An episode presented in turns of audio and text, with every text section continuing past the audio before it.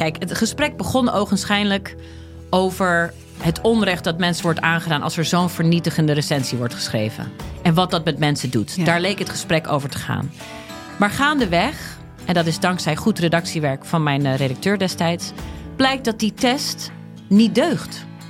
Via podimo.nl slash gonzo luister je de eerste 30 dagen gratis naar Podimo. podimo.nl slash gonzo. De strijd om de miljoenen van Siewert van Liende is losgebarsten. Zowel de staat als zijn stichting eisen de mondkapjeswinst terug. Maar dat die opbrengst in ieder geval niet thuis hoort bij Van Liende, daarover kan toch eigenlijk geen twijfel bestaan. Hoe kon het zo ver komen? Dit is het. We hebben beet. En als Siewert het geld teruggeeft, kunnen wij dit schandaal dan eindelijk loslaten? Je hoort het in de Mondkapjesmiljonairs, exclusief bij Podimo. Ga naar podimo.nl slash mondkapjes.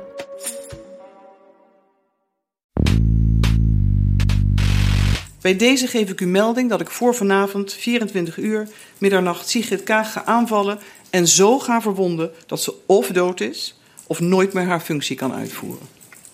Ik werd daar stil van. Ik was echt ontredderd. Ik zag het ook voor me. En ik voelde de angst die bedoeld was om mij in te boezemen. Want ik ben mens. Als iemand je met de dood bedreigt, vraag je je af: hoe veilig ben ik nog? Hoe veilig zijn mijn man en kinderen? En wat bezielt iemand om dit te doen? Mevrouw de politierechter, toen ik vier jaar geleden naar Nederland terugkwam, was het ook om meer vrijheid en veiligheid te kunnen leven. Het werk als speciaal gezant in het Midden-Oosten was een leven tussen beveiligers in gepantserde konvooien met op veel straathoeken potentieel reëel gevaar. En toch ben ik nu ik in Nederland als politica actief ben, soms angstiger dan ik ooit ben geweest. Dit is Betrouwbare Bronnen met Jaap Jansen.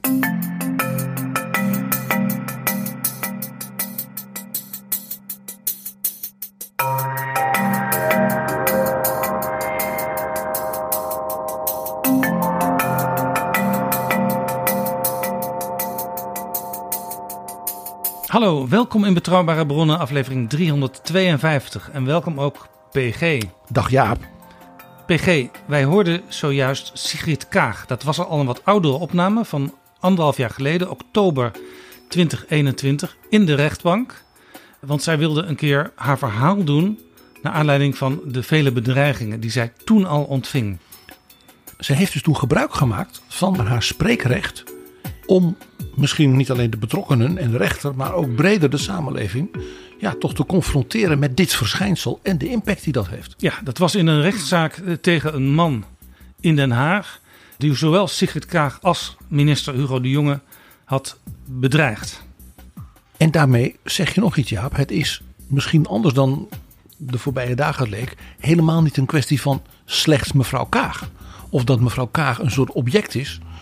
Het is iets wat veel breder leeft en ook al veel langer leeft. Heel recent was er bijvoorbeeld weer zo'n rechtszaak. Waarbij een serie bedreigers van zowel de minister-president Mark Rutte als ook opnieuw Hugo de Jonge voor de rechter kwamen. En die mensen zijn zeer hard toegesproken. En die zeiden allemaal, ja, zo had ik het niet bedoeld. En had er niet, bij, niet zo bij stilgestaan. En ja, niet zo bij nagedacht. En vergeet niet, Jaap, dat is wel een paar jaar geleden, maar toch ook nog vrij recent. Is er zo'nzelfde ook rechtszitting geweest met Sylvana Simons. Voor de dochters van Sigrid Kaag is dit aanleiding om hun moeder te vragen te stoppen met haar politieke werk. Bleek in het televisieprogramma College Tour. En enkele dagen geleden vroeg Kamervoorzitter Vera Bergkamp in een brief aan Twitter om actie te ondernemen tegen dreigtweets. En ik vind het belangrijk dat Kamerleden moeten in alle vrijheid hun werk kunnen doen en niet bedreigd worden. En dan zie je dus dat het naar een hoger niveau wordt getild. Namelijk dat er dus gekeken wordt naar ja, onderliggende structuren en zeg maar distributiekanalen van dat soort dreigementen. Hierover gaan we het hebben, maar eerst PG. Zijn er nog nieuwe vrienden van de show? Jaap, ik mag mede namens jou een heleboel mensen heel erg bedanken. En dat doe ik bijzonder graag. Dus een groot woord van dank aan jou, Marielle, Jan-Paul, Diana, Louise, Teus, Erna, Frank, Peter, Maarten, Janine, Arthur en Hugo. En er zijn ook nog eh, losse donaties gedaan, die wij ook zeer welkom heten. Jazeker. En daarom een extra woord van dank ook nog aan Gijsbert Jan, Antoine, Rosalien, Jan, Bart en Carlina. Wil jij ons ook helpen met een donatie? En als die structureel is, dan word je zelfs vriend van de show. Ga dan naar vriendvandeshow.nl slash bb. PG, hoe is het met jouw ademende kleding? Ja, het, het weer is er weer naar, Jaap. Het is heerlijk, juist om nu toch echt ja, de lente voluit is doorgebroken, om Bamigo spulletjes aan te hebben.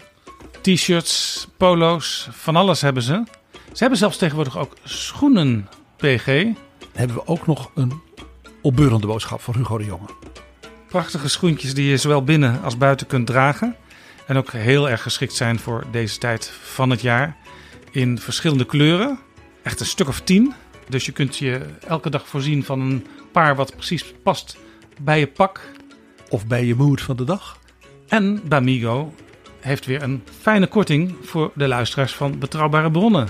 Zodat zij en duurzaam en heerlijk fris bamboe ondergoed en bamboekleding kunnen dragen. Als je naar bamigo.com gaat, de website, en je gebruikt de kortingcode BRON20, dan krijg je, ja, je raadt het al, 20% korting. Dus ook op die schoenen, PG. Ik hoor dat je het nog een keer extra in Rotterdam onder de aandacht brengt, Jaap. Bron 20, 20% korting. Echt iets voor Hollanders, dat Bamigo. Nou ja, ik denk ook bij die schoenen aan uh, de politici waar wij het over gaan hebben. Want die moeten extra sterk in hun schoenen staan deze dagen. Daar is alle reden toe. Bamigo.com, code bron 20. Dit is Betrouwbare Bronnen. PG, in toenemende mate worden politici bedreigd. En dat woord bedreigen, dat heeft bovendien ook allerlei verschijnselen gekregen. Uh, het mensen thuis opwachten, zoals dat heet.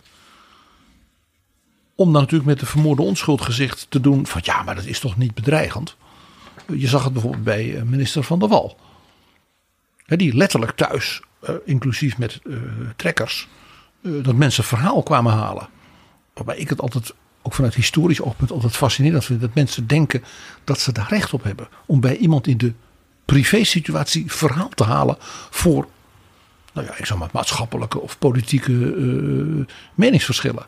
We hadden in een democratie afgesproken dat we daar heldere, ja, genormeerde plekken voor hadden. En niet de stoep voor de deur bij zo iemand. Maar je zag het ook mevrouw Kaag.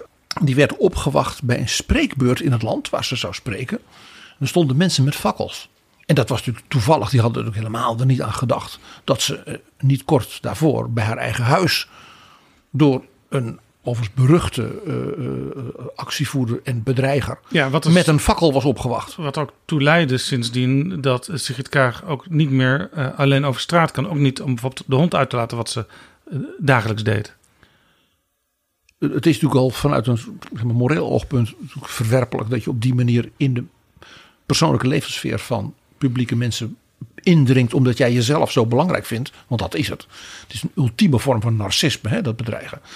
Maar ook nog dat je dan het hele leefpatroon, dus ook van de betrokkenen van die mensen, hun kinderen, uh, hun oude moeder met wie ze zeggen: Ik ga er even op zaterdagochtend heen. Dat kan dus ineens allemaal niet meer. Alsof mensen in zo'n situatie en in zulke functies in feite geen recht meer hebben op een ongestoord persoonlijk leven. Ja, anderhalf week geleden zijn er straffen uitgedeeld, uh, ook weer in Den Haag, uh, door de rechtbank. En die mensen die hadden uh, bedreiging geuit, onder andere de volgende. Laten we hopen dat binnenkort een Nederlandse Breivik opruiming gaat houden in de nazi-zwijnenstal die we kennen als het Binnenhof. Een andere. Ik hoor je zuchten, ja. Ja. Sigrid Kaag, Hugo de Jonge, sterf. Je dient te worden geruimd. En eentje richting het GroenLinks-Kamerlid Kautar Bouchalikt. Jongen, ik prik je lek. Wat je hier ook ziet, dat is een punt wat ik meteen even wil aanstippen. Want Jaap, ik weet dat wel zeker dat jij dat ook zal hebben. Want dat die bedreigingen die, en zeker dat soort taal, die uh, raken ongeveer iedereen uh, in de politieke wereld. Ik vond het heel opmerkelijk dat die hele jonge jongen, de voorzitter van de JOVD, gewoon zei: Ja, ik hoor zoveel dingen nu, nu ik ja, die rol heb.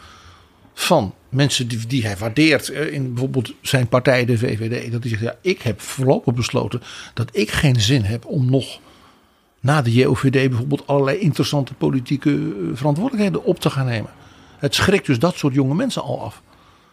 Maar meer in het bijzonder wil ik erop wijzen dat als het gaat om vrouwen, zowel de intensiteit als ja, het type bedreigingen bijna altijd heftiger is. Er zit in die bedreigingen, waar ze ook vandaan komen, een soort uh, ja, zeg, vrouwenhaat. Die mij altijd weer ja, treft in de zin van, daar zit dus iets onder wat wel, wel heel, heel merkwaardig is. Ja, mensen eh, lijken vaak niet door te hebben wat ze aanrichten. Uh, bijvoorbeeld in 2017 werd Sylvana Simons bedreigd die toen nog op weg was naar het Kamerlidmaatschap, maar al wel politiek actief. Er was uh, over haar een filmpje gemaakt met haar hoofd gemonteerd in een soort moordsituatie van de Ku. Met zelfs een liedje erbij, O Silvana. En die man die zei achteraf in de rechtbank: Het was allemaal flauwekul. Ik heb het in opwelling gedaan. Het was zeker niet bedoeld om angst aan te jagen. En een andere verdachte zei in diezelfde rechtszaal: ik wilde niemand iets aandoen, maar ik keurde af hoe de Pieten-discussie ging. En je hoort hier dus, dat vind ik dus een hele. ik zeg het bewust afstandelijk. Het is interessant als iemand het heeft over een opwelling. Alsof het feit dat men dus zijn best doet om die opwelling vorm te geven. Want het maken van zo'n filmpje, denk ik, dat is toch een hoop hu huisvleit. Uh, alsof dat het daarmee goedkeurt ik heb in een opwelling gehandeld en spontaniteit uh, is een soort uh, uh, ja, positieve eigenschap die als het ware losstaat van, nou ik zal maar zeggen, waarden en normen en de grenzen van de vrijheid van meningsuiting. Ja, de man die rechtstreeks werd aangesproken door Sigrid Kaag in de rechtbank, die schaamde zich diep, zei hij na afloop. Ik had beter moeten weten, ik ben tenslotte geen tien jaar meer. Vergelijkbare dingen waren ook te horen, dus heel recent in die zaak uh, van bedreigers van Mark Rutte en Hugo de Jonge. Uh, daar werd er gezegd van, ja, maar zo hadden ze het niet bedoeld. En ook heel mooi, ja, ik had eigenlijk niet nagedacht. Wat natuurlijk een hele interessante vorm van onschuldpresumptie is. Ja, ik ben ja. onschuldig, want ik had niet nagedacht. Ja, het geeft overigens wel aan dat sociale media natuurlijk een hele andere dimensie aan deze kwestie hebben gegeven. Als je vroeger boos was en je was van plan een brief aan de ingezonden brievenrubriek van de krant te sturen. Ja, dan moest je nog heel wat moeite doen voordat die brief uiteindelijk uh, bij de krant op de mat lag. En je moest een postzegel kopen. En er waren al een aantal momenten geweest dat je nog even had kunnen aarzelen. En misschien ook had kunnen besluiten het maar niet te doen. Er is in de archieven van de Presidential Library van president Harry Truman in Independence, Missouri, een prachtig uh, stukje archief dat zijn de door Truman geschreven, maar nooit verzonden brieven, die hij wel bewaarde. Want dan was hij het kwijt. Wat dat betreft was hij ook een felle man, maar geen inderdaad tienjarige. Maar ja, er is natuurlijk nog een ander aspect aan. En dat is dat op social media, maar ook in het parlement in een andere settings, het ook politici zijn, volksvertegenwoordigers, andere mensen met politieke rollen, die zelf dat soort terminologie met name ook over collega's en andersdenkenden houden. En dat is denk ik in ons land relatief wel nieuw. Dat ook aan die kant, dus bij die vertegenwoordigers, een soort rem en ook normering af is. Men noemt mevrouw Kaag niet één keer in social media, onder andere de heer Wilders, een heks. Ja. Sigrid Kaag voorop, de prima donna van de Haagse heksenketel. Men roept om tribunalen. Men noemt anderen landverraders, dieven en pedo's. Ja. Nog los wat je ervan vindt in, ik zal maar zeggen, of dit smaakvol is dan wel moreel acceptabel. Dit doet nog iets. Want, en dat merken we ook. Namelijk dat dit natuurlijk legitimeert dat individuele burgers met hun opwellingen zeggen: ze doen het zelf. En dan zouden wij, eenvoudige burger, Jan met de pet, dat niet mogen. Dat is hypocriet. Wie denkt de elite wel dat ze is? Ik heb toch mijn VVMU. Ja, Ja, er was ooit een, uh, een lijkenregister in de Tweede Kamer. Een schriftje waarin woorden door de voorzitter werden geschreven waarbij hij zou afhameren. En dat was bijvoorbeeld het woord landverrader, was denk ik een van die woorden. Uh, maar ook allerlei ja, grof taalgebruik. In mijn jeugdjaren werd wel eens gezegd: zullen we het een beetje parlementair houden vandaag, mensen? Als het te ver uit de hand liep, een, een, een onderlinge discussie. Maar ja, dat kun je tegenwoordig niet meer zeggen, want juist in het parlement hoor je de vreselijkste dingen. En het aspect daarvan even los, dus nog van de onderlinge verhoudingen en wederzijds respect. Binnen zo'n parlementaire setting en ook binnen zeg maar, de formele setting van een debat. Een debat is natuurlijk niet een soort columns die men aan elkaar voorleest, zou je hopen, maar is een poging om met argumenten ja, sterk, overtuigend uh, gedachten naar voren te brengen. En daarmee bijvoorbeeld het landsbestuur te verbeteren. Dat is waar die debatten voor zijn. En niet om als het ware met de meest uh, zeg maar, lawaaierige column de aandacht te trekken. Gaan dus debatten daar wel zeg maar, elementen van hebben. Dan gaan zij, wat ik hiervoor zei, legitimeren dat anderen zeggen. Nou ja, dan doe ik dat ook wie, wie zijn zij dat ze mij zouden verbieden? Nou ja, dat soort taalgebruik. En dat is natuurlijk in zekere zin levensgevaarlijk. Want als dan vanuit de politiek en bestuurlijk ja, bezwaar wordt gemaakt. Of, uh, ja, dan komt de situatie dat bijvoorbeeld social media platforms zeggen: Ja, moeten we eens horen, u kunt daar nu bezwaar tegen maken, mevrouw Bergkamp. Uh, namens de Nederlandse Tweede Kamer. Maar hier heb ik een lijstje uitingen in mijn eigen social media platform uh, bedrijf. En dat zijn mensen van u. Ja, dan kun je bijvoorbeeld Geert Wilders aanwijzen die, die Kaag een heks noemt op Twitter. Ja, en dat is één voorbeeld. Maar er zijn nog heel veel andere voorbeelden. Ja. Ook van andere partijen. Er is een team bedreigde politici in Den Haag. Daar kun je bij de politie aangeven als Kamerlid of minister of staatssecretaris eh, dat je bedreigd bent. Het opmerkelijke daar is dat tenminste de helft van de meldingen afkomstig is van Geert Wilders. Die heeft daar, zou je kunnen zeggen, bijna een dagtaak aan. Ik hoop dat Wilders een bestaffing heeft die op dat punt ook dus in juridisch opzicht voor hem opkomt en hem beschermt. Dat niet alleen is zeg maar, de klerenkasten die met hem meelopen en anderszins wat er gebeurt. Maar ook ja, op dat punt uh, en men dus actief, proactief is ten aanzien van bijvoorbeeld social media platforms, waar de heer Wilders dus bedreigingen ondervindt. In 2021 waren er in totaal dus van alle politici 588 meldingen. Een jaar later, 2022, waren het er 1125. Dus een verdubbeling in een jaar. Ja. Het OM noemt het bedreigen van politici een hardnekkig probleem. Er is wel een extra probleem ook in de opsporing. Een belangrijk deel van de bedreigingen blijkt afkomstig uit het buitenland. Met name uit landen als Pakistan, waarmee Nederland geen rechtshulpverdrag heeft. Dus daar loopt vaak dan zo'n opsporing en vervolging dood. Dus daar is sprake van een soort trollenfabriek. Aangestuurd waarschijnlijk door uh, jihadistische cellen. Uh, zoals men ook wel zegt uh, dat vanuit Rusland er ook met fake news en dergelijke, de zogenaamde Sint-Petersburgse trollenfabrieken aan het werk zijn. Ja, van de 1125 meldingen vorig jaar heeft het OM uitgevogeld dat 889 strafbaar waren. En van die 889 strafbare meldingen kwamen er 600 uit het buitenland. Dus echt de overgrote meerderheid. Maar dan reken ik even uit, Jaap, dat er toch 200 nog wat in Nederland waren. Precies. En daarvan zijn er eh, vorig jaar 37 voor de strafrechter gekomen. En die legden celstraffen tot vijf maanden en taakstraffen tot 120 uur op. Maar die celstraffen die zijn meestal, eh, als ik zo de kranten lees, voorwaardelijk. Dus eh, met andere woorden, dit mag je niet meer doen, want dan kom je echt in de cel. Dus een hele indringende waarschuwing. Waarschijnlijk in de hoop dat dit tot de mensen doordringt dan. Ja, ik wil toch wijzen op dat uh, bijvoorbeeld bij, bij onze oosterburen uh, je ook recent in feite een volgende fase ziet. Daar zie je dus dat radicalisering politiek die hier dus onder Ook daarbij gevoed natuurlijk door de existentiële onzekerheden van grote bevolkingsgroepen in de tijd van de pandemie. Ja.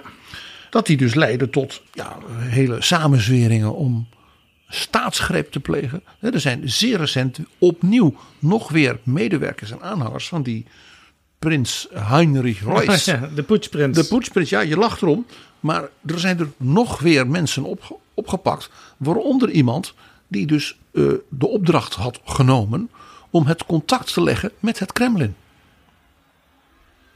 Dat was ook een oud politicus. Ja, het Kremlin is alles aan gelegen, dat, dat weten we, om Europa eh, te verdelen. Te destabiliseren. Onzekerheid te, te, te, wekken. Uh, en daarmee dus dat uh, groeperingen, zeg maar, de constructieve middengroeperingen, als het ware angstig worden gemaakt. Ook voor wat er van de flanken en wat voor bedreigingen er zijn. Ja, en daar lijken alle middelen geoorloofd voor het Kremlin. Uh, ja, waarbij men dus, hè, dat is dan hybride oorlogsvoering zoals men dat noemt. Uh, ja, en laten we er niet omheen draaien. Uh, we hebben een tijdje geleden samen een gesprek gehad met Elmar Brok. En die bleek die regionale politicus van de CDU, Walter Lubke, ook persoonlijk te kennen. Ja. Die gewoon door een neonazi is vermoord op het terras van zijn eigen huis. Waar hij, Ja, waar hij, Brok. waar hij een kopje thee zat te drinken. Europarlementariër. eh, was politiek verwant en ook bevriend met een politicus in Duitsland die vermoord is. En men heeft dus de moordenaar uh, gepakt. En men heeft geprobeerd, ook uh, bij, de, bij de rechtszaak, nog anderen die blijkbaar in een soort verwant netwerk eromheen zaten, op te sporen. Er zijn er één of twee wel aangeklaagd. Maar het bleek toch moeilijk dat te bewijzen. En we zagen dus nu recent met die poetsprins, met die Reisburger, dat er dus dat soort netwerken wel degelijk zijn. En men waarschijnlijk ook door die zaak van Walter Lubke uh, in Duitsland, de OM en de geheime dienst, dus aanzienlijk actiever is gaan worden in dat nasporen. Want anders had men bijvoorbeeld dat Rijksburgernetwerk niet zo enorm in één klap kunnen oprollen. Ja, het neemt dus toe. En het zijn niet altijd eenlingen waar een steekje los zit. Het is soms ook een hele groep, een groep die zelfs groeiende is. En wat dat signaal dus van uh, dat er dus blijkbaar soort internationale cellen zijn elders uh, in de wereld, die blijkbaar zich ook op Nederland in dit geval dus nadrukkelijk oriënteert. Uh, vanuit het idee dat men vrij straffeloos uh, mensen dus kan ophitsen. Ja, Pieter Jaap Aalbersberg van de NCTV, de Nationaal Coördinator Terrorismebestrijding en Veiligheid. Die noemt de laatste jaren ook uh, steeds vaker niet alleen jihadistische organisaties, maar ook rechtsextreme mensen die aanslagen zouden kunnen plegen. En uh, hij kijkt daar met toegenomen scherpte naar, zegt hij. Ja, wat heel opmerkelijk was in de meest recente dreigingsanalyse, was dat ze zeiden: we hebben ook gewoon mensen in beeld. Hij zegt dat zijn ongeveer twintig sleutelfiguren, langs wie heel veel van dat soort signalen lopen. En het was dus opvallend dat ze daarbij geen namen noemden. Waarom zouden ze dat niet doen, namen noemen? Omdat je dan natuurlijk kwetsbaar bent. En het niet, ik sluit ook niet uit dat er daarbij dus gewoon actieve politici in Nederland onder die twintig zijn. Ja, dat ligt altijd heel gevoelig. En dan is het Sowieso verstandig. het volgen van politici ja. is eigenlijk niet de bedoeling. En dan is het dus heel verstandig dat je dus wel aangeeft uh, ja, hoe precies je als het ware dingen weet. En toch terughoudend bent. Ja. Maar de vraag gaat zich opdringen, dat kan haast niet anders. Dat men zegt, wees hier maar openhartig over. Ja. Dat is een politieke kwestie. En ik zeg in dat verband, als eerste kijk ik dan naar de minister van Binnenlandse Zaken. Die politiek ook verantwoordelijkheid draagt. Ik weet wel dat achter de schermen wordt bijvoorbeeld aan Wilders wel gezegd: meneer Wilders, dit en dat gebeurt er om u heen. Wij willen u adviseren om bepaalde uitingen uh, niet of op een andere wijze te doen, omdat die in de hand werken dat de bedreigingen ook aan uw adres toenemen. Ja, dat is natuurlijk een, een, een soort visieuze cirkel. Ja, dat wordt dan niet uh, openbaar gezegd, maar dat wordt achter de schermen wel aan Wilders gemeld. En ik denk ook beleefd gevraagd van zou u dat kunnen en willen overwegen? Ja, vaak met de disclaimer erbij, uh, wij gaan er niet over en wij willen ons niet met politiek bemoeien. Dat is niet aan ons. En het maar is ook heel lastig. onze analyse leidt ertoe dat wij aan u beleefd vragen misschien bepaalde uitingen uh, niet meer of op een heel andere manier te doen. Ja, waarbij het heel lastig is, want je kunt ook tegen iemand die eh, bedreigd wordt, niet zeggen van nou ja, doe maar als zelfcensuur. Eh, want ik kan mij indenken dat een man als Wilders ook in de situatie waarin al zoveel jaren zit, dat hij dan zegt van ja, dat, dan winnen zij. Ja.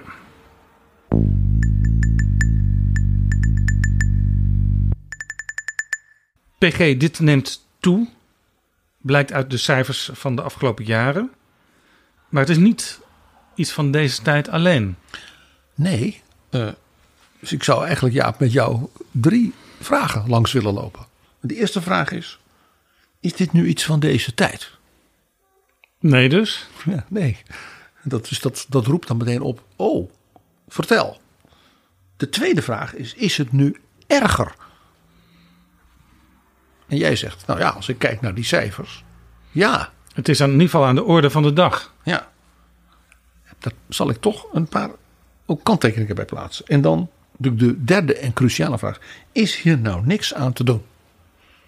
Want het antwoord is natuurlijk: ja, daar is al zeker iets aan te doen. Maar ook daar weer moet je kijken naar ja, wat wel kan, wat minder goed kan. En ook politieke nuances. Je wil ook niet in een politiestaat terechtkomen. Nee, zeker niet. Zullen we dan eerst maar eens gaan zeggen: is dit iets van nu?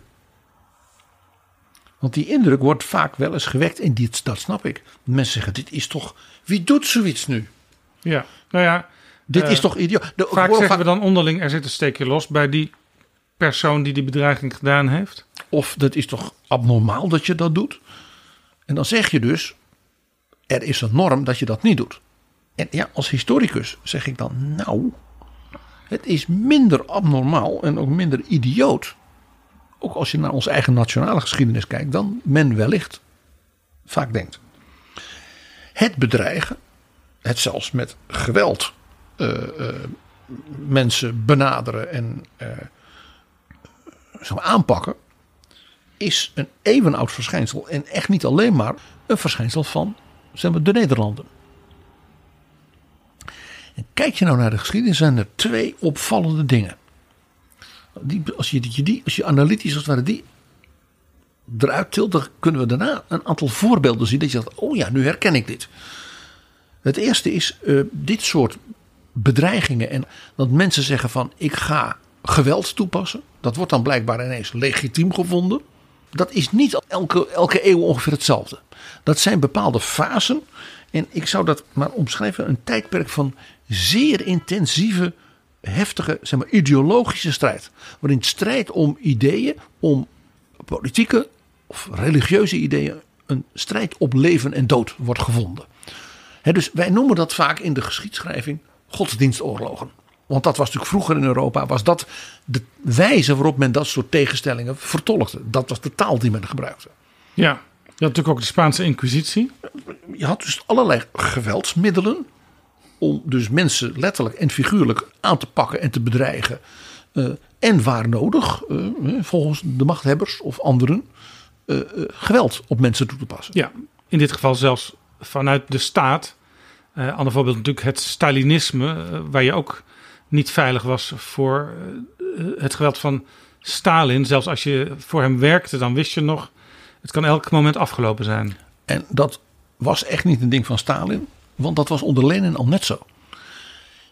Wat je ook zag, is dus dat bijvoorbeeld de herinnering aan dat soort eh, fasen later opnieuw bovenkomt.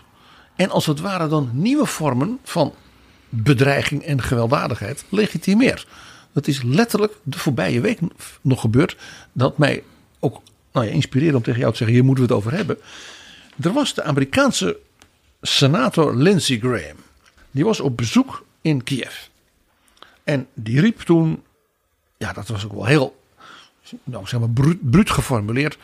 Het feit dat wij Amerikanen, eh, eh, Zelensky en zijn mensen, dat wij die helpen met wapens en dat soort dingen, dat is uitstekend eh, belegd geld. Want dat leger van Poetin wordt nu aangepakt en wij hoeven het niet te doen. Wij leveren spulletjes en jullie doen goed werk. Ja, daar reageerde de minister van Buitenlandse Zaken Lavrov op. En Lavrov die zei, wij gaan uh, senator Graham op een soort zwarte lijst zetten die dan aangepakt mocht worden. En toen gebruikte hij daarbij. Er zijn tenslotte altijd nog. En toen noemde hij de naam van de man die voor Stalin in Mexico City Leon Trotsky had vermoord met een ijspikhouwel. Oftewel, we, die Graham, die weten we wel te vinden. Nou ja, de Russen eh, die uh, hebben af en toe een, een handje gif. Uh, wat ze. Novichok. Zelfs tot in, in het Verenigd Koninkrijk uitstrooien. Ja, en ook wat er met Navalny is gebeurd. Maar het feit dus dat de minister van Buitenlandse Zaken van dus een groot land, dus expliciet verwijst naar dus een heel bekend ja, historisch moment waarin de, de leider in het Kremlin gewoon een opdracht gaf in een ander land, maak die vent af. Het, het, was niet een of andere onderknuppel van de, van, van de KGB, nee. nu de FSB. Die zei de minister van Buitenlandse Zaken in de camera. Waarmee hij dus in feite zegt, wat Stalin dus toen deed, legitimeert wat wij nu zouden doen.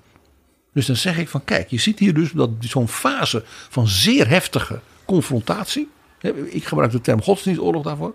Die legitimeert als het ware de volgende. Ja, Lavrov en Poetin uh, die vinden niet alles wat Stalin en zijn collega's hebben gedaan goed. Uh, bijvoorbeeld vinden ze niet goed uh, dat Oekraïne als een, een soort apart deel van het Rijk beschouwd werd.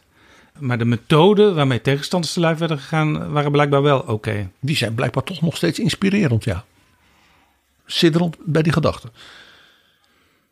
Wat hier ook uit blijkt, en dat is iets wat je natuurlijk bij die rechtszaken. Of het nou Sylvana was, of mevrouw Kaag, of Hugo de Jonge, opvalt, is dat dat soort ideologische tegenstellingen, dus die, dus die strijd op leven en dood gedachten, die houdt in dat men, ik gebruik de term maar, waarden en normen niet meer hoeft te laten gelden. Dat zijn waarden en normen van de rechtsstaat, maar ook waarden en normen van de menselijkheid. Hè? Dat je gewoon zegt van nou ik stuur desnoods zo'n vent met een pikhouweel op senator Lindsey Graham af. Wat is dat voor taal? Nou dat is dus inderdaad dat soort taal, normloos. Want de afkeer, die haat, hè, dus dat op leven en dood strijd, ja, die heft als het ware op dat dat soort waarden nog gelden. Ja. Die legitimeren, die maken het legitiem dat je je daar niet aan houdt. Zoals die man ook zei van, ja, het was in een opwelling. Dus ik mag toch mijn gedachten uiten. je hoort heel vaak dat mensen dan zich beroepen op hun vrijheid van meningsuiting. Je moet dat toch kunnen zeggen? Het antwoord is, nou, misschien niet nee. Omdat woorden gevolgen hebben, om mevrouw Kaag te citeren. Ja, ik moet altijd denken aan de vader van Theo van Gogh. Die meermaals tegen Theo had gezegd: Je mag alles zeggen, maar je hoeft het niet te zeggen.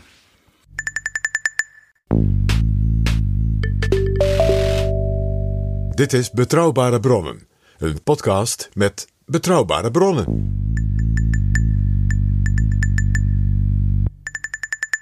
PG, het is niet iets van alleen deze tijd, heb je al eh, gezegd.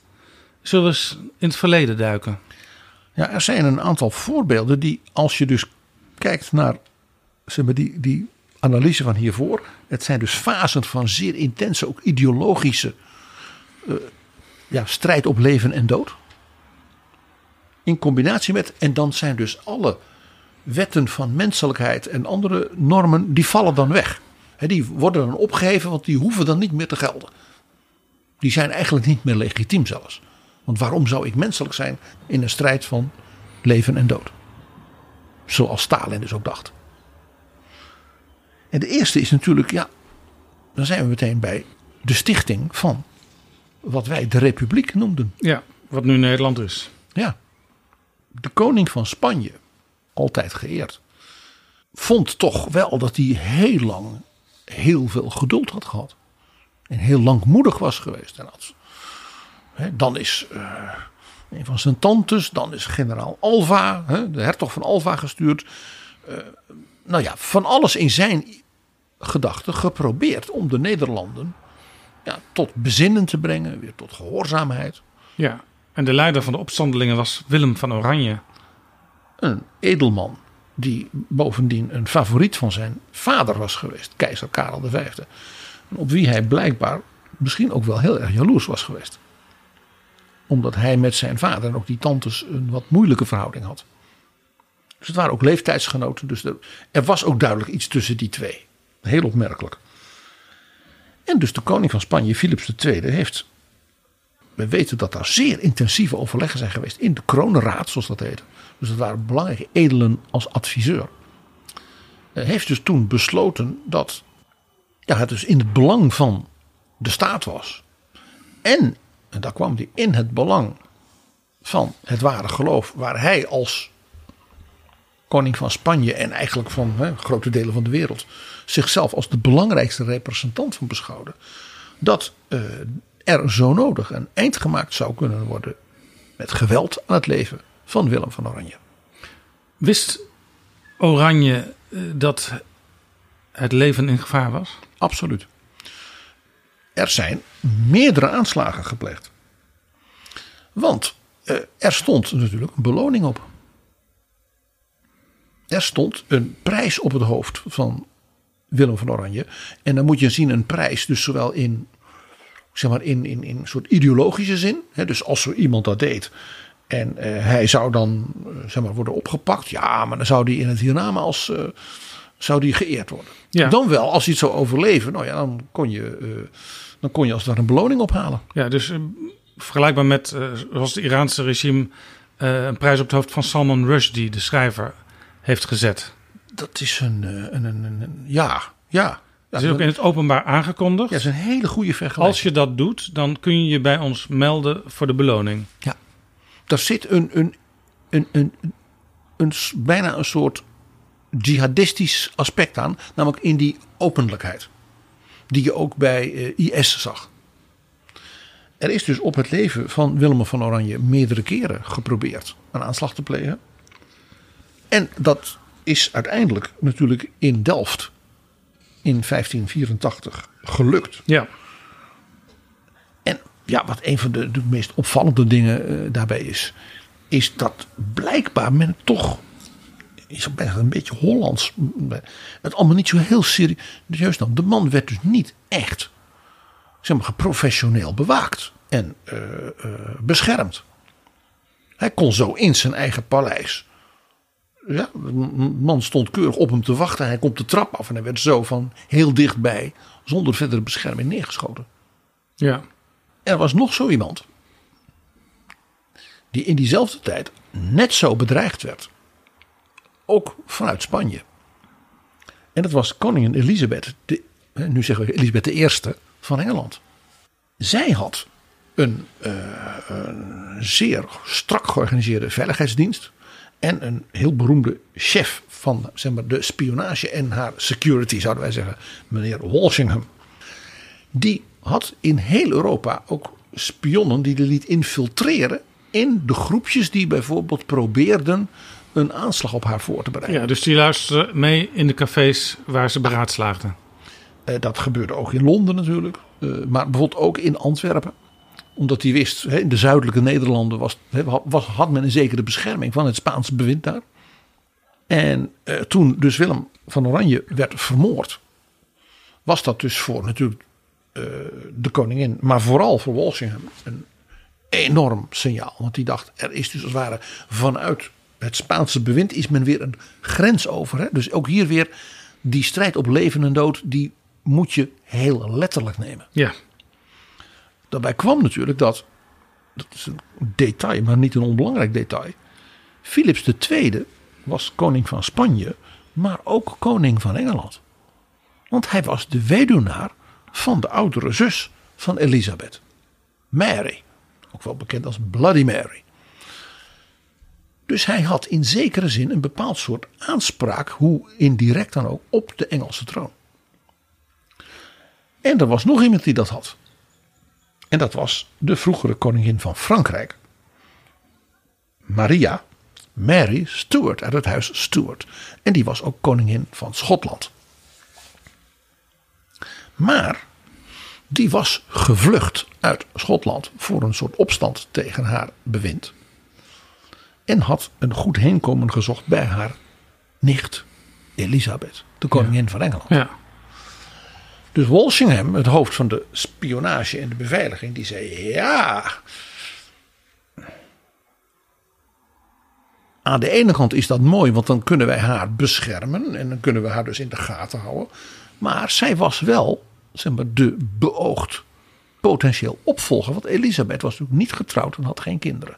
Dus overkwam Elisabeth iets, dan had die Mary als haar nicht dus ook aanspraak op de troon. En zij was natuurlijk als oud-koningin van Frankrijk katholiek. Dus er moest op haar gelet worden. Eh, dat gebeurde ook. Ze zat dus in een mooi paleis, en, maar was helemaal omringd. Eh, hè, dus ze mocht af en toe dus een tijd lang niet naar buiten. En eh, haar eh, manieren van communiceren met de buitenwereld, die werden helemaal bewaakt. Dus zij ging eh, op allerlei manieren verstopte ze kleine boodschapjes in de hoop dat dat allemaal niet beluisterd of gelezen kon worden. En Walsingham die wist dat. Die, en die heeft dus na de moord op Willem van Oranje. Heeft hij gedacht van. Ja, het is echt. De kat op het spek binden dat dus deze rivaal. Ja, gewoon hier bij ons zit. En toch eh, in het geniep contact onderhoudt met de buitenwereld. Wat heeft hij toen gedaan? Hij heeft toen eh, gedacht van ja, dief met diefjesmaat vangen. Dus hij heeft een eigenlijk een soort fake samenzwering laten ontstaan. Waarbij dus Mary Stuart, ja, die is gewoon in de val gelokt. Want die heeft zich dus via allerlei gecodeerde brieven laten blijken dat ze wel in was voor een dergelijke samenzwering. En die samenzwering was in belangrijke mate een fictie van Walsingham. En toen had dus de kroonraad van koningin Elisabeth had dus de bewijzen in handen. Ja. Want koningin Elisabeth Zij was dus in, in de val gelokt. Ja.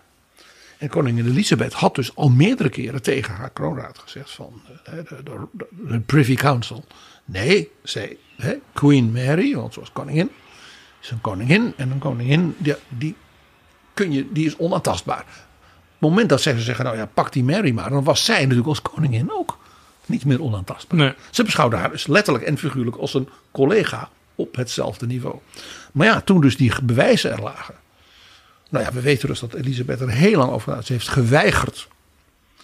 En uiteindelijk heeft ze een buitengewoon sluw spel. Want het was een hele sluwe politica. Ze heeft de kroonraad dus een beslissing laten nemen. En toen het gebeurd was.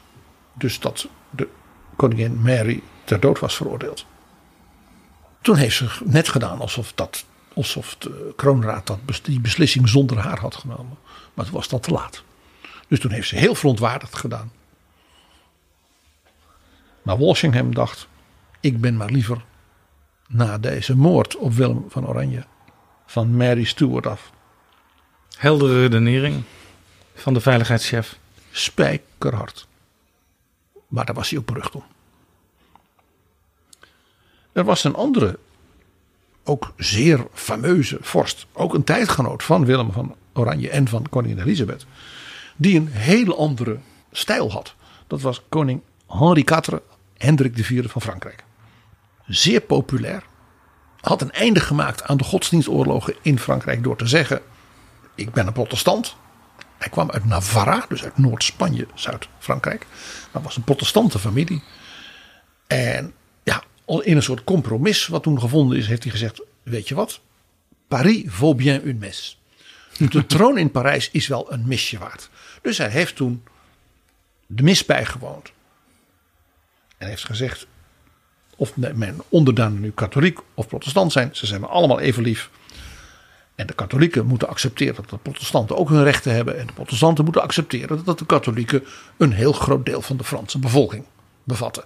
Dat heette de zogenaamde politiek. Dat, wij zouden nu zeggen, hè, dus een politiek was iemand die dus voor een tolerante, ruimdenkend beleid stond. Hij bracht dus een zekere ontspanning Zeker. in de samenleving. En had, eh, het was een uitstekende bestuurder, dus het ging ook ineens, die, die burgeroorlogen waren voorbij, dus het ging ineens weer beter met de economie. En, nou, de Fransen waren buitengewoon content met hun koning. Je begrijpt dat op de, zeg maar, de extremen, op de flanken zouden wij zeggen, men dacht, ja wacht even. als die koning nog langer zit, hè, dan wordt het nog populair tolerantie. Van doe niet al te moeilijk en een protestant kan een katholiek eh, waarderen en een katholiek kan ook een protestant de ruimte geven. En dus is hij in 1610, terwijl hij dus door Parijs reed in zijn koets, doodgeschoten. Want een van zijn eh, eh, ja, hartelijke eigenaardigheden was dat als mensen naar hem zwaaiden en riepen. En dat hij dan soms het raampje opendeed of de deur opendeed. Om als mensen een vraag hadden of een verzoek. Zegt u maar, wat kan ik voor u doen? Ja, politiek dicht bij de mensen. Politiek dicht bij de mensen, ja Jaap. En dat heeft hem dus letterlijk het leven gekost.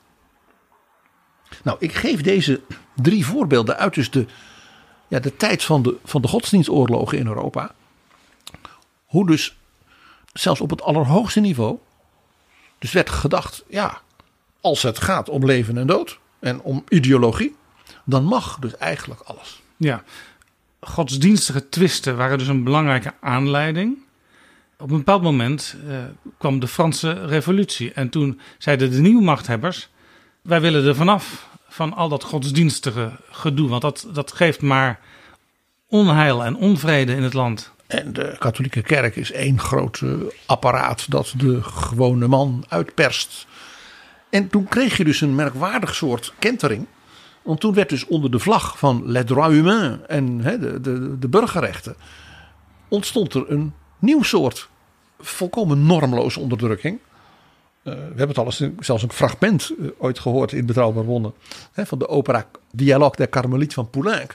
Over hoe dus onder de Jacobijnen al die nonnen uit die Karmelitesse kloosters dus werden onthoofd. Omdat ze zeiden, ja maar wij willen bij elkaar blijven. En we willen als nonnen samen kunnen leven. En wij zeiden, nee u bent nu burger van de republiek. En die kloosters die heffen we op. Nou dat is een heel beroemd verhaal natuurlijk. Maar er is in het Frankrijk van toen natuurlijk eh, is er complete genocides gepleegd. In de stad Lyon, natuurlijk in de Vendée, waar een, gewoon jarenlang burgeroorlog is gevoerd. En er zijn natuurlijk ook mensen die voor, ja, daar komt het vreselijke woord, voor de tribunalen werden gehaald. Ja, en met dat, de guillotine met de, als eindpunt. Denk ook aan de vele samenzweringen en aanslagen die in die tijd werden gepleegd op revolutionaire leiders. Want het was ook van twee kanten. Eh, Het is, beroemd is natuurlijk de, moord hè, in zijn bad op de revolutionaire leider Marat. Al was het maar vanwege dat beroemde schilderij. Maar ook de nog jonge eh, generaal en later consul Napoleon Bonaparte is meerdere keren dus het eh, eh, object geweest van aanslagen. Onder andere een keer toen hij eh, met Josephine, zijn echtgenote, naar de opera ging. Je moet altijd oppassen als je naar de opera gaat. Dus ook in die tijd was weer zo'n zo'n ideologische strijd die ertoe leidde dat onder het, onder het mom van vrijheid en mensenrechten eh, in feite de meest verschrikkelijke dingen gebeurden. Ja, Ook door het regime zelf. over vrijheid en gelijkheid en ook broederschap.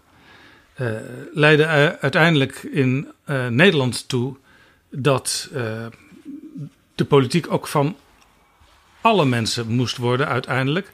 Een belangrijke aanzet daartoe is gegeven door Johan Rudolf Thorbecke met zijn grondwet van 1848.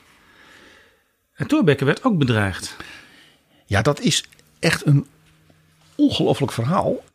Het al vaker door jou en mij geprezen Thorbecke wil het biografie van een staatsman van Remig Aarts bevat op de pagina's zeg maar, zes- 611 tot 615 Ja, een heel dik boek, maar prachtig geschreven.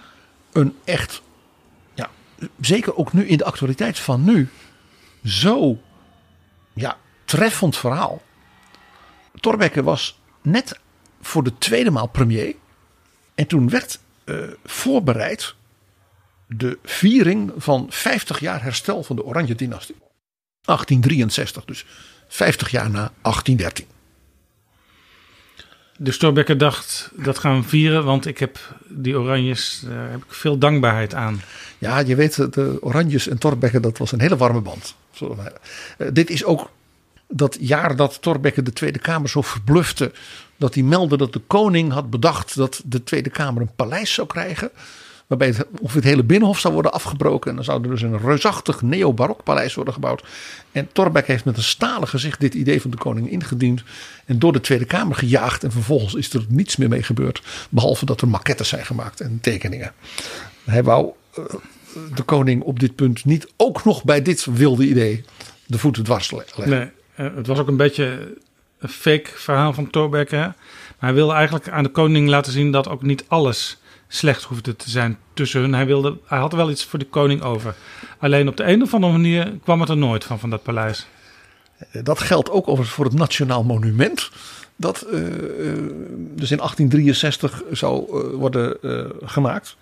En bij dat Nationaal Monument, monument moeten we even stilstaan. Want daar komt dus het onwaarschijnlijke verhaal van de bedreigingen en de aanslag op Thorbecke. Eh, want dat Nationaal Monument, en dat gold voor die hele viering van dat feest van de Oranjes, dat wilde niet erg, zou ik maar zeggen, in de publiciteit. Eh, het volk stond niet langs de kant te juichen eh, en geld in te zamelen voor 50 jaar Oranje. Waar moest dat Nationaal Monument komen? In het Willemspark in Den Haag. Dus er kwam een commissie met industriëlen die dan bereid waren dingen te financieren. Maar Thorbecke die had het niet zo op deze commissie. Want die industriëlen die dachten, dit is een prachtige manier om meteen in Den Haag even te lobbyen onder de mom van wij gaan dit financieren. Dan willen we er wel wat voor terug. Ze wilden dat Thorbecke zijn tarieven en zeg maar belastingbeleid op het bedrijfsleven aanpaste in hun zin. Ja, dan had je dus Thorbecke niet helemaal door hoe die functioneerde. Die dacht natuurlijk, daar zit de koning achter. Want hè, ja, dus dit, is, dit zijn oranje klanten die onder het mom van hun garitas voor dat nationaal monument mijn politiek willen ondermijnen. Ja, een klein bedragje voor zo'n monument levert uiteindelijk veel op eh, als aan hun wensen tegemoet zou worden gekomen. Nou, dat monument dat werd ontworpen en er moesten pamfletten en er werden tekeningen gemaakt. En net als met dat paleis, eh, het monument voor 1813, wat ook nu staat in Den Haag op plein 1813. Dat is pas officieel in gebruik genomen in 1869. Doet een beetje denken aan de verbouwing van de Kamer. Dat een paar jaar langer duurt dan iedereen had gedacht. Nou ja, dus besloot men maar op 17 november, op die plek waar het dus nu staat, dan maar een eerste steen te leggen. Dan is er toch iets. En dat moest natuurlijk de koning Willem III zelf doen. En ze had ook bedacht, we gaan de hele Tweede Kamer, het corps diplomatiek en natuurlijk Thorbecke moest er ook bij zijn. En er was een feestkantate en er was een toespraak. Er was een dichter die ook nog een groot nationaal dichtwerk voorlas. En eh, de koning, koning Willem III werd door de emoties zo meegesleept. Want dat was een, we hebben het wel vaker over hem gehad, een wat wilde man. Dat hij toen zich heeft uitgeroepen. Wij allen uit het hoofd van Oranje. Nooit, ja nooit zullen wij genoeg kunnen doen voor Nederland. En in die tijd werd Thorbecke bedreigd. Op die dag en in weken daarvoor kwamen er bij Thorbecke allemaal geanonimiseerde briefjes binnen. En ik lees er één voor. Excellentie, wees voorzichtiger dan Julius Caesar. Let op Spurina en Calpurnia, want de Tichelaars leven nog. Ja. Iedereen die een beetje klassiek geschoold was, zal ik maar zeggen, in het Haagse, begreep waar dit over ging. Voorzichtiger dan Julius Caesar, nou, dat ik neem aan dat dat. Er staan dus mensen met messen in hun mantel klaar om u. Jawel. Spurina en Calpurnia was de vrouw van Caesar die door een man was gewaarschuwd, een profeet. En dat was die Spurina. Die had tegen haar gezegd: Pas op die dag. Dus ze heeft toen haar man gewaarschuwd. Die zei: Ja, toen nou. En ja, deze profeet had dat goed gezien. En dan denk je: wie zijn de tegelaars? Dat waren de organisators van de moord op de gebroeders De Wit. Dus dit briefje was niet zomaar een aankondiging. De secretaris-generaal van het ministerie eh, is dus aan het werk gezet. Nou, ze kwamen er niet achter wie het was. Was het misschien een ja, verwarde man, zouden wij het nu zeggen. Maar vervolgens bleek dat heel Den Haag één groot roddelstukje was. Jaap, hè, what's new? Een dokter, dokter Evers, Die spreekt op straat de twee dochters van Thorbecke aan. Nou, daar zaten ze op te wachten. Ja, je hoort het de dochters van Kaag. Ja. En die zegt, u moet oppassen, want ik hoor van alles. Dus die jonge vrouw, die dacht, mijn hemel. En op een feestje is er een diplomaat van een ander land. Die tegen hen zegt, nou, ik hoor van alles. Uw vader, en u moet maar oppassen op 17 november. Want als hij dan de Schouwburg verlaat, dan wordt er op hem geschoten, heb ik gehoord. Waarop dus de familie Thorbecke dacht, lieve hemel. Ja. Na die eerste steenlegging met al die, met al die muziek en eh, gedichten, is er s'avonds een gala-voorstelling van een soort patriotisch vaderlands toneelstuk. Met de koning en daar zou Thorbecke dus ook aanwezig zijn. Nam Thorbecke maatregelen? Nou, Thorbecke had een beetje een houding die we misschien in Nederland wel kennen. Zo van, ja, doe nou niet zo raar. Zo is bijvoorbeeld twee jaar later het torentje een keer bijna bestormd door boze arbeiders. Naar aanleiding van een wetgeving die zeg maar, het opdrachten van het Rijk liberaliseerde. En niet altijd naar dezelfde fabrieken. Dus die ondernemers die zeiden, ja, nou krijgen wij die opdrachten niet meer. Die hebben toen geprotesteerd. Toen zijn dus een heleboel van die mensen zijn naar het torentje gegaan. En die hebben het torentje belegerd. En bij de, zeg maar, de kamerbewaarder van Thorbecke was toen zo bang. Die dacht echt dat ze eh, nou ja, de ruiten zouden ingooien. En dat hij aan de lantaarnpaal zou worden opgehangen. En toen heeft Thorbecke de deur open gedaan van het torentje. Je ziet het bijna voor. En heeft, u, heeft toen tegen de, mensen gezegd. Ik verzoek u stil naar huis te gaan. Ja. En nou ja, toen eh, eh, ja, was men zo verbluft. Dat men toen maar wegliep. En Thorbecke naar binnen liep. En is weer aan het werk gegaan. Ze schrok eigenlijk van het feit dat hij gewoon eh, even naar buiten kwam om ze toe te spreken. In die november 1863 was de situatie zo zorgelijk dat minister Blanken van, wij zouden zeggen Defensie, opdracht gaf om eh, in feite het huis van Thorbecke en dus ook het binnenhof militair te laten bewaken. Dat Thorbecke zich best zorgen maakte blijkt uit het feit dat hij zijn zoon Willem in Leiden een briefje stuurde. Beste jongen, maak je geen zorgen over mij. Hmm. Ja. En zijn neef, een veel jongere neef waar hij erg op gesteld was, Herman, stuurde hij een brief en had gezegd: Wil jij Adelheid, dat was dus mevrouw Thorbecke, Ja. je weet waar hij zo intens van hield, en die twee dochters, Henriette en Marie, extra beveiligen? Ah, En dat was een jonge marinier. Dus die is toe gekomen om ook een stukje rust te geven in de familie. in de familie. En voor de rest schreef hij aan Herman: is alles in Gods hand. Van Adelheid weten we dat ze zei: hij doet heel gerust en. Maar ik weet dat hij heel bang is. En zij was dus ook heel bang. Nou, 17 november, grote gala. Er is niks gebeurd toen, hè? Er is niks gebeurd. Behalve dit. Thorbecke verlaat dus de Koninklijke Schouwburg. En wordt opgewacht in de foyer door koning Willem III. Die hem aanspreekt. Nou Jaap, als je nagaat dat hij de koning bij staatsbanketten. Thorbecke soms alleen maar zei, hoe maak je het? En dan niet eens op wachten op een antwoord. Ja, dat was een relatie van water en vuur. Die, eh, die mochten elkaar niet. Dat zacht uitgedrukt. Dus dit was hoogst opmerkelijk dat de koning het nodig vond Thorbecke te groeten en met hem te praten. Zodat iedereen dat ook, natuurlijk heel de Haagse elite hè, en de corps diplomatiek en alles was daar, dat zag. En dat er een grote menigte rond de koets van Thorbecke stond. En toen zijn ze dus de koets ingeleid en toen zijn ze zonder verder gedoe naar huis gereden. Niettemin heeft dus de minister van oorlog, zoals dat in die tijd heette, Thorbecke nog heel lang extra laten bewaken. Ook als hij met zijn vrouw en dochters ging wandelen. Ja.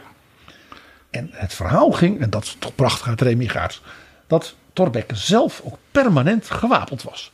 Met een soort degenwandelstok die zachtjes rinkelde als hij liep.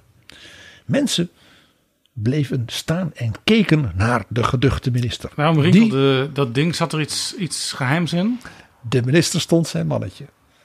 Maar het was gewoon een loszittend ringetje aan de oude wandelstok. die hij ooit van schoonmoeder had gekregen. Hoi, ik ben Alexander Klupping. Ik weet dat jij, net als ik, met heel veel plezier luistert naar betrouwbare bronnen. Maar je zou Jaap en PG echt helpen als je nu vriend van de show wordt. Dat kan met een donatie, per maand of per jaar. En dan kunnen ze nog veel meer afleveringen maken en zeg nou zelf, dat wil jij ook. Dus ga nu naar vriendvandeshow.nl slash bb en doe het niet straks, maar nu. PG, deze verhalen maakten duidelijk eh, dat bedreigingen van politici van alle tijden zijn. Zeker. Toch weten we eh, uit de cijfers, het neemt toe. Aan de andere kant, ik wijs ook op maar, het meer recente verleden. Ik heb hier voor mij de poster en de advertentie in de krant van Dallas van november 1963, nu 60 jaar geleden. Welcome Mr. Kennedy to Dallas. Met een hele lijst dingen waarin in, feite werd gezegd, dus gefinancierd door rijke lieden, een hele pagina van de, de, lokale krant. U en uw broer Bobby zijn landverraders. Het stond dus in een grote advertentie, pagina groot in de krant. En er werden ook allemaal van dat soort teksten als posters overal uitgedeeld. Laten we ook niet vergeten dat bijvoorbeeld de premier van Italië, Aldo Moro, een hooggeacht uh, man van juist het compromis en de verzoening, uh, werd ontvoerd en is ook vermoord door linkse terroristen. Nou, de Duitse uh, Rote Armee-fractie verwezen overigens ook al naar Walter Lübke. En in eigen land kun je natuurlijk niet omheen om te verwijzen naar Pim Fortuyn. Nee, nu 21 jaar geleden kun je toch ook echt een politieke moord noemen? Natuurlijk is dat een politieke moord. Uh, want de moordenaar die wilde bepaald beleid wat Fortuyn uh, voorstond niet. Hij zag in Fortuyn een bedreiging van dingen die hij politiek uh, onwenselijk vond. Ja, zoals later ook de moord op Theo van Gogh in zekere zin ook een politieke moord was. Want um, eigenlijk was de moordenaar op zoek naar Ayaan Hirsi Ali. Die toen Kamerlid was. maar die werd al beveiligd toen. En op een handgeschreven briefje uh, op het lichaam van Theo van Gogh uh, werd ook de aankondiging gevonden. Uh, ik zit ook achter Ayaan Hirsi Ali aan. Ja. Want Van Gogh had film geregisseerd op verzoek van Ayaan om te vertonen ook. de avond daarvoor was dat gebeurd in het VPRO televisieprogramma Zomergasten. Dus die moordenaar die was echt laaiend, die was furieus. Dus het was ook een directe daad nadat dat gebeurd was. Ja. ja. En toch zeg ik. Ja, met deze ook meer recente gebeurtenissen. De huidige situatie is erger. Want dat heeft natuurlijk te maken met de massaliteit van de online uitingen. En dus, nou ja, we hoorden uh, Pakistan, we hoorden uh, Sint-Petersburg en ook anderszins. Dat dat een soort bewuste opzweping en ophitsing van, nou ja, blijkbaar kwetsbare bevolkingsgroepen, of hiervoor gevoelige bevolkingsgroepen, een feit is geworden. Ja, vroeger wist je niet als burger uh, dat er zoiets als de Hofstadgroep was. Dat wist je pas nadat die Hofstadgroep werd opgerold. Dus de geheime diensten die waren bepaalde dingen op het spoor. Dat is, gebeurt nu natuurlijk ook dat de geheime diensten dingen op het spoor zijn. maar je hoort wel allerlei impulsen al in de samenleving via de sociale media. Van uh, mensen die ontevreden zijn en die ook de meest gruwelijke dingen al uiten. Dat zou eigenlijk met die en die moeten gebeuren. Schande ja, is het. Ruimen, jij las het onder andere voor. En daar is nog een vervolgontwikkeling. Het is dus een soort verdienmodel. Het is gewoon een, een, een commercieel, blijkbaar aantrekkelijk model. Uh, voor wie nou, bijvoorbeeld de democratie, de rechtsstaat wil ondermijnen. En die zegt: Ik heb er belang bij dat bijvoorbeeld Europese samenlevingen zijn gedestabiliseerd. Ja, zoals de Russische regering.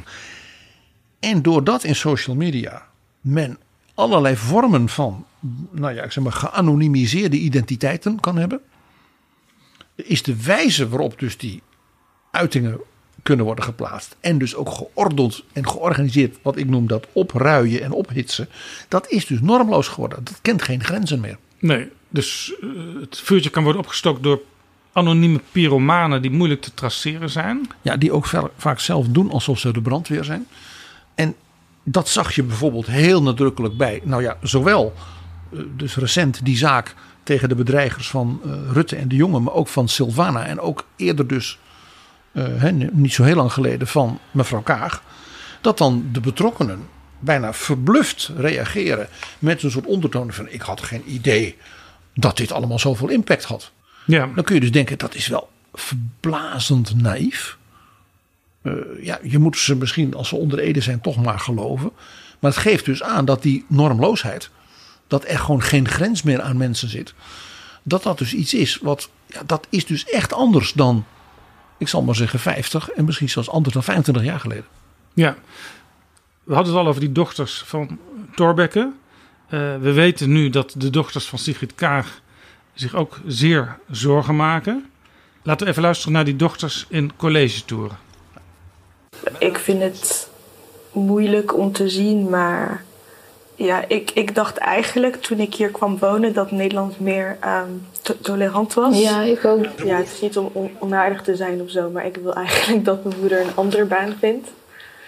Gewoon internationaal. En ik denk ook niet dat de Nederlandse bevolking eh, ready is om zoiets te kiezen.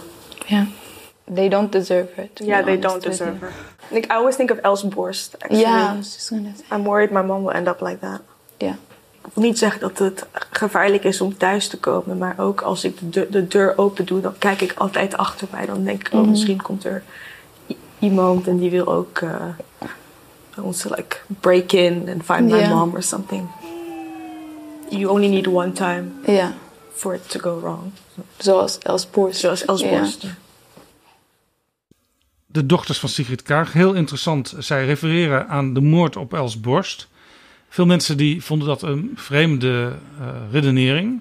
Tenzij je mevrouw Kaag zelf hebt gehoord toen in die rechtszaal. Ja, op 12 oktober 2021. Toen zei Sigrid Kaag dit. Mijn voorgangster, D66-leider Els Borst, is vermoord om haar politieke daden en opvattingen. En het gaat toeva- vandaag toevallig over mij en mijn collega, mijn voormalig collega, de heer De Jonge. En ik heb de kans en ik waardeer het dat ik hier mag spreken. Maar collega's in de politiek, van Sharon Dijksma tot Geert Wilders, worden evenzeer bedreigd. Soms heftiger dan ik. De dehumanisering van de ander in het publieke debat en op sociale media is hier ook debet aan. En ik wil graag een grens trekken. Anderhalf jaar geleden al waarschuwde Kaag dus. Ja, en zei, we moeten dus oppassen, want het is een waarschuwing in feite die ze gaf, dat we gaan denken, ja, dat hoort er nu eenmaal bij. Risico van het vak. If you can't stand the heat, get out of the kitchen. Dan kun je Harry Truman nog altijd citeren. Die het echt daar niet over had. Maar, hè, klinkt goed. Eh, de nationaal coördinator, Albersberg, wij noemden hem al, die zegt Westerse democratieën worstelen ermee hoe ze hun burgers online moeten beschermen. Dat zal de komende tijd een groot vraagstuk blijven. Ja. Dus ook hij zegt in feite tegen de vertegenwoordigers in die democratie, dus politici en verantwoordelijken. Ik kan wel van alles roepen als nationaal coördinator en ik doe mijn werk, maar u moet dingen doen. Ja, vandaar dat op dezelfde dag de voorzitter van de Tweede Kamer die brief stuurde aan Twitter in Amerika. Twitter moet directe actie nemen, serieuze stappen tegen bedreigende en gewelddadige tweets richting politici. En ze noemt ook nog even dat eh, een aantal van de bedreigingen die op Twitter gedaan worden, volgens Nederlandse wet waarschijnlijk strafbaar zijn. Nou, dat hebben we eerder opgemerkt. Een, een deel van de bedreiging is ook strafbaar bevonden door de rechter. Twitter is natuurlijk door de media meteen ook om een reactie gevraagd. Maar ja, Twitter heeft geen woordvoerders meer, want die zijn wegbezuinigd. Dus wat Twitter hiermee gaat doen, eh, dat weten we niet.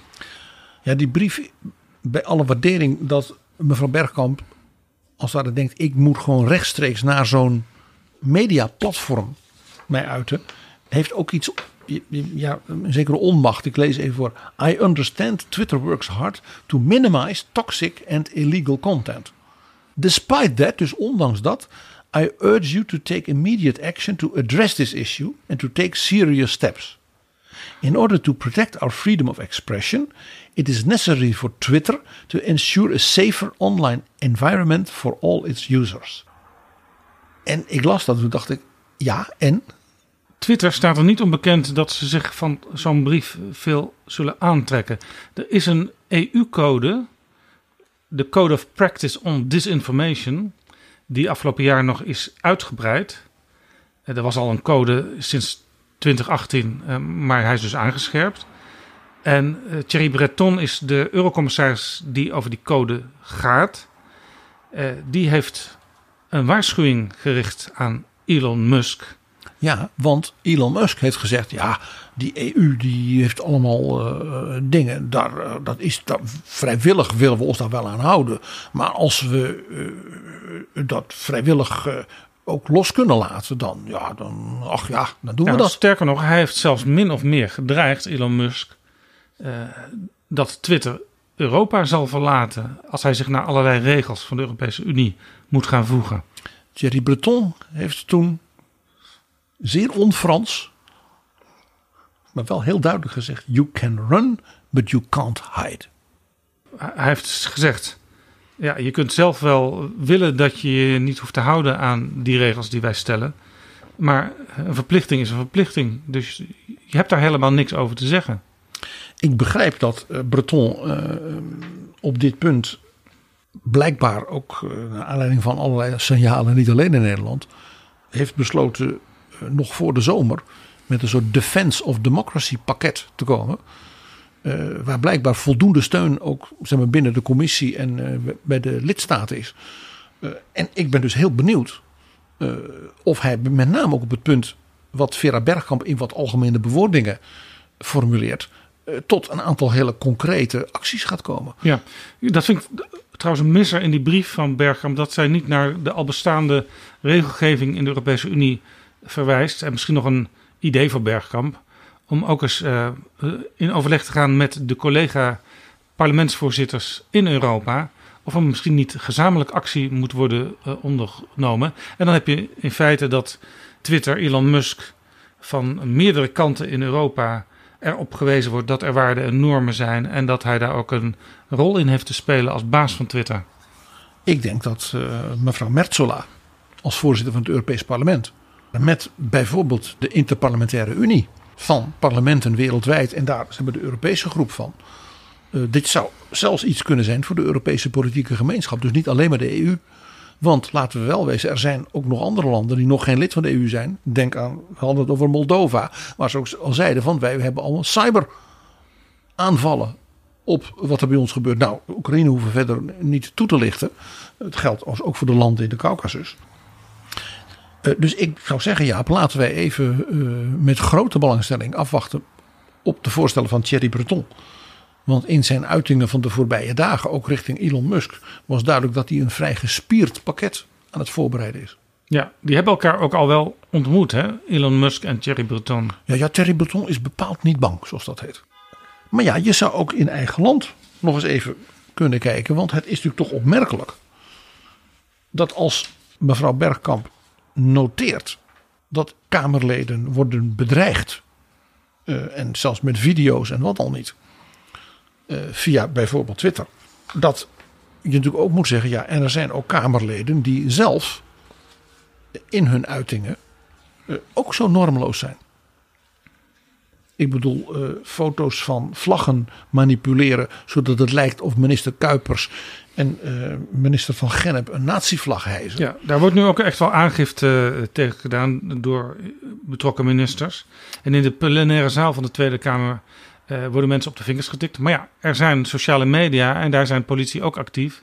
En sommigen die er soms ook zelf onder te lijden hebben, die maken zich er schuldig aan. En wat dus opmerkelijk is, is dat er dus geen gedragscode is voor zowel parlementariërs als fracties en partijen ten aanzien van wat je wel en niet kunt doen op social media. Dat, daar kun je gewoon met elkaar afspraken over maken. En dan moet je daar maar sancties op zetten. Dat als, ja, als, u, als u dat schendt, omdat u toch een collega-parlementariër toch weer in gevaar brengt door met allerlei bedreigingen. Daarmee ook haar of zijn gezin, zijn omgeving, zijn medewerkers ook. Het zijn niet alleen maar individuele politici. Die hebben een staf, die hebben een secretariaat. Die hebben eh, mensen die voor hen werken. Die worden mede daarmee bedreigd. En dat je ook gewoon zegt, ja, als je je dus niet aan die gedragscode houdt, nou, dan word je maar verwijderd uit het parlement. Ja, je hebt het reglement van orde. Dat is in zekere zin de interne wet gedragscode van de Tweede Kamer. Daar staan ook dingen in als eh, bijvoorbeeld eh, dat je je cadeautjes moet melden. Dus het gaat niet alleen maar over de vergaderorde. Het gaat breder. En daar zou je dit ook bij kunnen betrekken. Mij viel nog iets op. Die bedreigingen die we eerder hadden van bewindslieden. Dat geldt dus zeker ook mevrouw Kaag. Maar bijvoorbeeld ook de, die, die zogenaamde natievlag die mevrouw Van Gennep en de heer Kuipers dan hadden gehesen.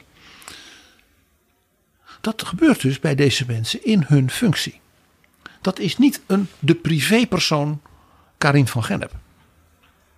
Dat betekent dus dat in feite het ministerie waar zo iemand op dat moment als minister dient, eh, zelf in het geding is. Als jij een minister bedreigt, en dat geldt zeker ook voor mevrouw Kaag, maar dat gold ook voor Hugo de Jonge, nou we hebben de naam ander ook genoemd, daarmee raak je het hele ambtelijk apparaat. Je raakt daarmee dat ministerie. Want die mensen hebben een chauffeur, die mensen hebben medewerkers. En als ze worden bedreigd, dan worden deze mensen ook bedreigd. Ja. En is het nou niet mogelijk dat bijvoorbeeld een ministerie als organisatie, dus zeg maar het SG-beraad, zoals dat dan heet, dat die met elkaar zeggen van als zoiets gebeurt, dan is dat een bedreiging niet naar de privépersoon Hugo de Jonge of de privépersoon Sigrid Kaag. Dat is de functionaris die voor onze club staat. En wij als medewerkers worden dus mede bedreigd. Af en toe hoor je in betrouwbare bronnen een advertentie, maar vaak ook niet. En dat is jammer, want we hebben graag meer adverteerders. Want ook daarmee houden we betrouwbare bronnen online. En als jij nou werkt bij een organisatie of een bedrijf waarvoor het misschien best nuttig kan zijn om bij ons te adverteren, neem dan contact op. En je bereikt via betrouwbare bronnen heel veel jonge mensen met grote maatschappelijke politieke belangstelling. En natuurlijk de decision makers van Nederland en in Brussel. Stuur een mailtje aan adverteren.dagenacht.nl en dan neemt de reclameafdeling van Betrouwbare Bronnen, ja ja, neemt dan contact met je op. Adverteren,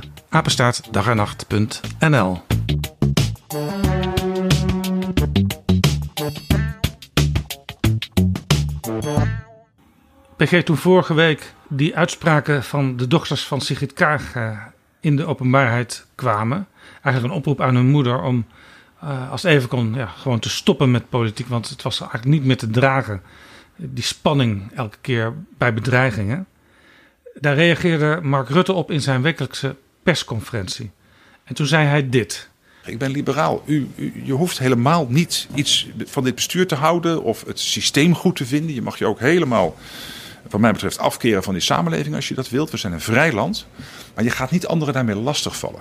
Maar kan Daar dus- zit de kern. Ja, u kaatst het eigenlijk terug naar de samenleving. Maar kan een samenleving dit zelf aan? Jazeker, de samenleving zijn u en ik. En de politiek is niet, staat niet buiten de samenleving. En wat betekent dat dan? Gewoon aanspreken op gedrag? Zeker, daar begint het mee. En, en opvoeden. En we hebben het natuurlijk vaak erover gehad bij het geweld eh, op uh. Dat er gezegd werd, en wat doet de politiek? Nou, wat doen de ouders eigenlijk die dat, uit, dat geweld op oudejaarsavond accepteren? Dat geldt ook hier. Ja, Jaap.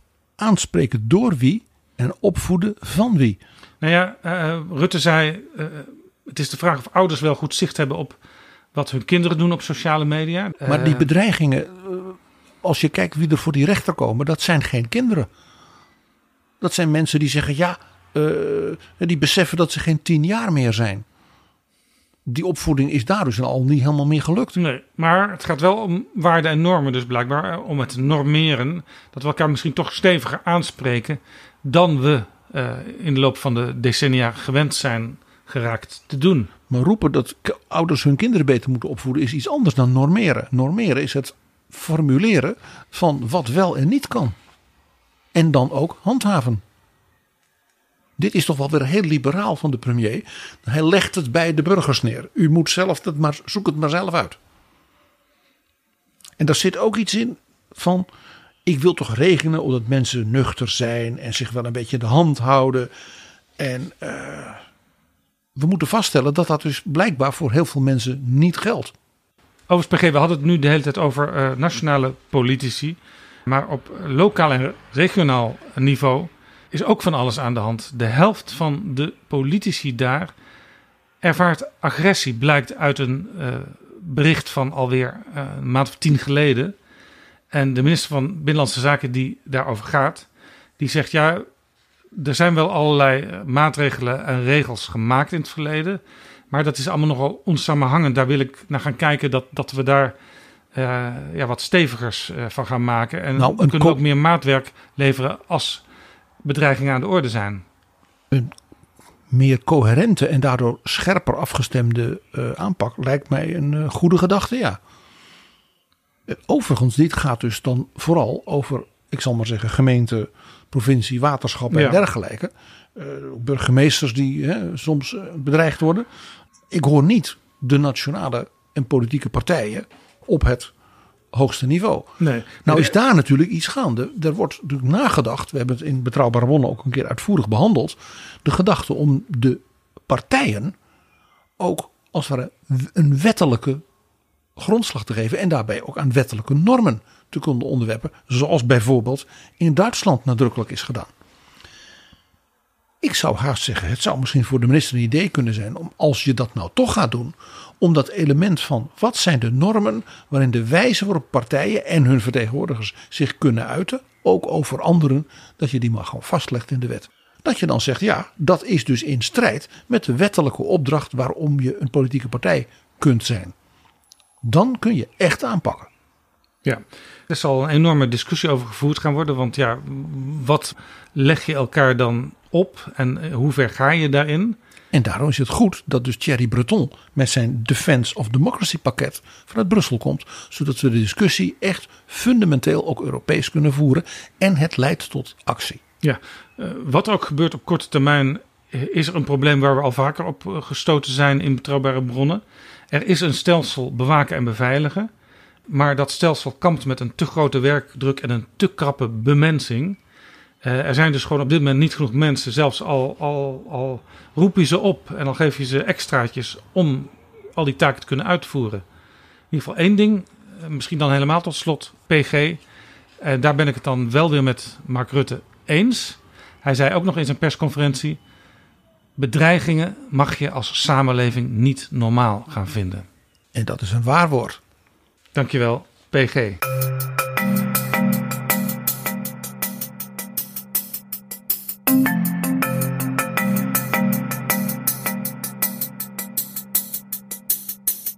Zo, dit was Betrouwbare Bronnen, aflevering 352. Deze aflevering is mede mogelijk gemaakt door de vrienden van de show en andere donateurs. Wil jij ons ook helpen met een donatie? Ga dan naar vriendvandeshow.nl slash bb. U bent van harte welkom. Wij zijn dol op onze vrienden. Tot volgende keer. Betrouwbare bronnen wordt gemaakt door Jaap Jansen in samenwerking met dag en nacht.nl.